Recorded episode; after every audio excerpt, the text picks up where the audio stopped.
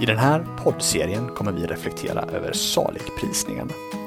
Saligprisningarna är de inledande verserna i det som ofta kallas bergspredikan. Det är den kanske mest kända undervisningsdelen i Matteus evangeliet. Vi kommer att titta på dessa saligprisningar en i sänder, med undantag för de sista två som jag tänkte behandla tillsammans. Men det här avsnittet tjänar syftet att ge en väldigt översiktlig introduktion till den här poddserien. Genom fastan kommer vi meditera över de paradoxala bilder som Jesus målar upp i saleprisningarna och fundera över om de har något att säga oss idag om hur vi ser på det goda livet. Jag heter Johannes och är en del av Saronkyrkan. Varmt välkomna till den här podden. Den kanadensiska filosofen Charles Taylor menar att alla personer och samhällen lever med någon typ av bild av vad mänskligt blomstrande är. Bilder som svarar på frågan om vad som gör ett liv beundransvärt, eftersträvansvärt och lyckat. Taylor menar att vi inte kan undgå att ställa dessa frågor och att våra liv definieras av hur vi försöker svara på dem. Dessa bilder kan förmedlas via religiösa praktiker, moraliska system eller filosofiska teorier. Ett av de mest kända svaren på hur det goda livet gestaltas återfinns i Aristoteles mästerverk Den nikomakiska etiken.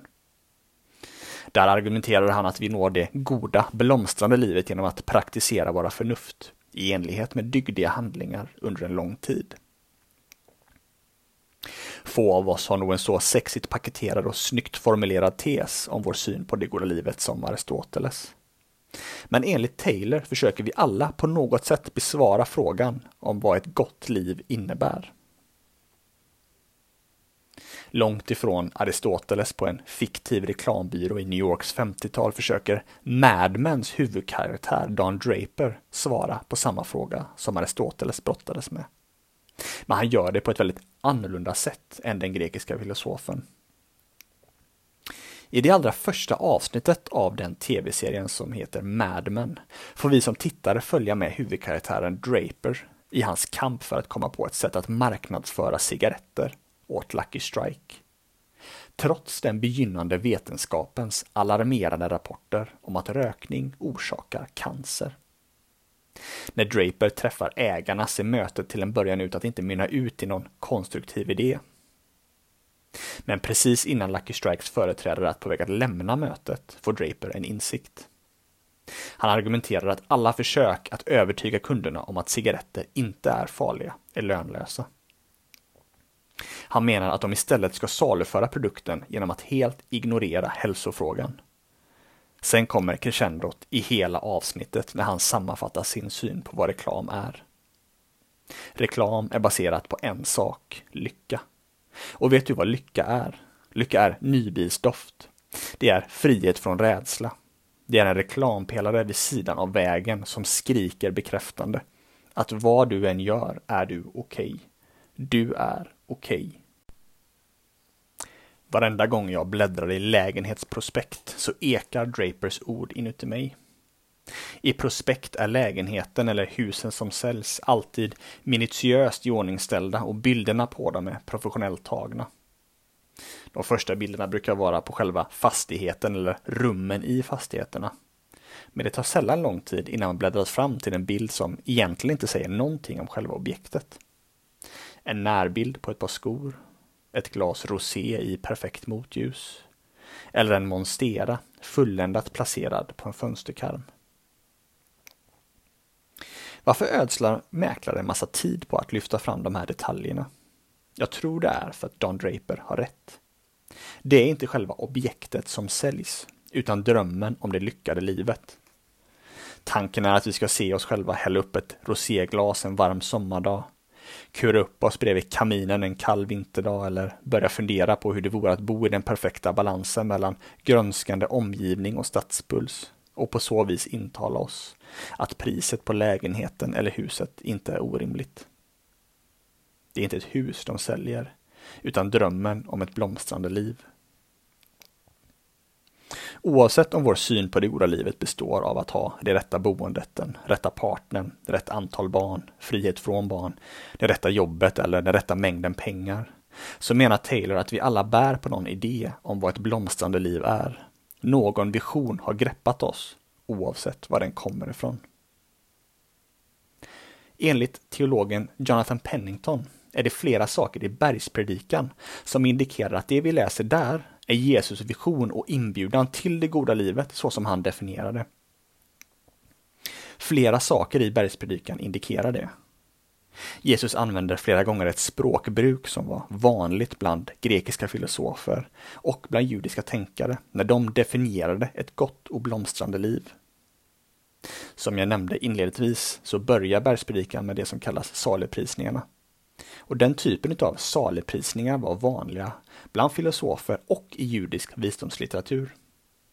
Ordet som översätts med salig, det är det grekiska ordet makarios, och det finner vi exempelvis i Saltaren och i Ordspråksboken. Läs gärna psalm 1 för att få ett smakprov på hur det ordet används. Just judisk visdomslitteratur brottades ofta med frågan om ett gott och blomstrande liv. Och det faktum att Jesus använde ordet salig talar för att även bergspredikan ska förstås som visdomslitteratur som brottas med det goda livet. Efter att ha inlett sin predikan med nio stycken saligprisningar går Jesus vidare genom att lyfta fram sin huvudtes, vilken är att han uppmanar dem som vill följa honom till en rättfärdighet som överstiger fariseerna och de skriftlärdas. Vad Jesus menar med det blir tydligt när vi läser vidare. Han menar att den rättfärdighet han bjuder in till är en etisk livsstil där inre och yttre hänger ihop. En livsstil som inte bara håller sig från att dräpa, utan även håller sig ifrån att i sitt hjärta nedvärdera andra människor. En livsstil som inte bara håller sig ifrån att avstå från äktenskapsbrott, utan till och med avstår från att objektifiera andra sexuellt. En livsstil som värderar sanning och som räcker ut en kärleksfull hand, till och med till fiender. Att älska sina fiender är, enligt Jesus, att vara fullkomlig så som Gud är fullkomlig. Och här har vi ett till ord. Ordet som ofta översätts som fullkomlig är ett ord som ofta används inom filosofi när man pratar om det blomstrande livet. Och ett ord som bättre skulle översättas med ungefär helhjärtad överlåtelse. Jesus går vidare med att varna sina åhörare från att utföra andliga praktiker, bön, fasta, ge pengar, för att bli sedda av andra istället för att söka Guds blick i dem. Han uppmanar sina åhörare att beakta vad som fyller deras hjärtan, för där vår skatt är, där kommer våra hjärtan att vara. Han varnar oss för att söka trygghet i pengar och vidare att inte oroa oss utan lita på den Gud som förser sparmar med vad de behöver.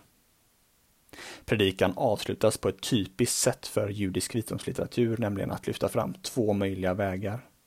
En väg som anammar Jesu ord och en som inte gör det.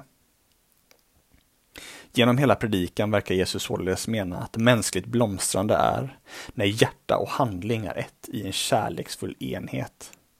Han bjuder in oss att lyfta fram våra brustna, trasiga och ofokuserade hjärtan och be honom att göra dem helhjärtade och fokuserade. Hur passar då saligprisningarna in mer specifikt i det här? Det är ju de vi ska fokusera på under fastan. Enligt Pennington, den teologen som jag hänvisade till nyss, så är saligprisningarna en inbjudan att reflektera över vad som utgör det goda livet. Det är en inbjudan att reflektera över den vision av blomstrande som Jesus målar upp genom bergspredikan. När vi tittar närmare på saligprisningarna genom den linsen så framträder något paradoxalt och märkligt.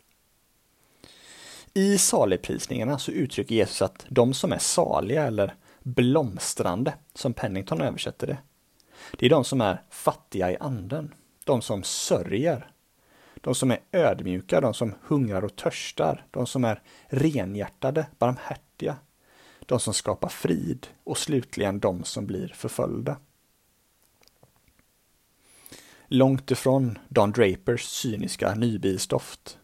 Långt ifrån mäklarprospektens idealbilder av det vackra hemmet. Långt ifrån Aristoteles så målar Jesus upp en vision av det goda livet. där brustenhet och smärta är ofrånkomliga ingredienser. Likt den nyligen avlidna sångaren Leonard Cohen verkar Jesus hävda att det är i sprickorna som ljuset lyser in. Det är det övergripande temat som vi kommer reflektera över tillsammans när vi under fastan funderar över saligprisningarna. Men till sist, när vi funderar över mänskligt blomstrande genom att meditera över saligprisningarna, de som inleder bergspredikan, så kan vi inte göra det genom att isolera bergspredikan från den berättelse och det evangelium där de finns. Bergspredikan är den kanske mest kända delen i det som vi kallar Matteusevangeliet. Vi skulle kunna säga oerhört mycket om det här, men jag vill lyfta fram en sak i synnerhet. Matteus beskriver en Gud som uppenbarar sig som människa i Jesus. Ett tema som återkommer i Matteus är att Gud är Immanuel, vilket betyder Gud med oss. Den Gud som skapat allt och som älskar och är trofast den mänsklighet som vänt honom ryggen beskrivs vara som en av oss genom att födas in i ett smutsigt stall i Betlehem. Han är med oss genom att röra vid våra sår och röra vid våra trasiga hjärtan. Han är med oss genom att han vill dela våra bördor och bjuder in oss i kapitel 11 genom att säga Kom till mig, alla ni som är tyngda av bördor. Jag ska skänka er vila. Han är vidare med oss ultimat sett genom att gå in i vår destruktivitet och vår synd för att på korset ta på sig straffet och konsekvenserna för vår destruktivitet. Han har gjort allt nödvändigt för att vi ska kunna komma oförfalskat till honom. Och i det allra sista kapitlet i Matteus evangeliet så säger Jesus att han är med oss alla dagar till tidens slut. Det innebär de dagar när vi knappt orkar med oss själva. Och det är därifrån det evangeliet och den berättelse om en Gud som står med öppna armar mot oss som vi bjuds in att fundera över vad ett blomstrande liv är. Han har redan älskat oss. Han har redan fullbordat det som behöver göras för att dörren till honom ska stå på vid gavel. Han har redan agerat och bjuder in oss att fundera över hans vision av det goda livet.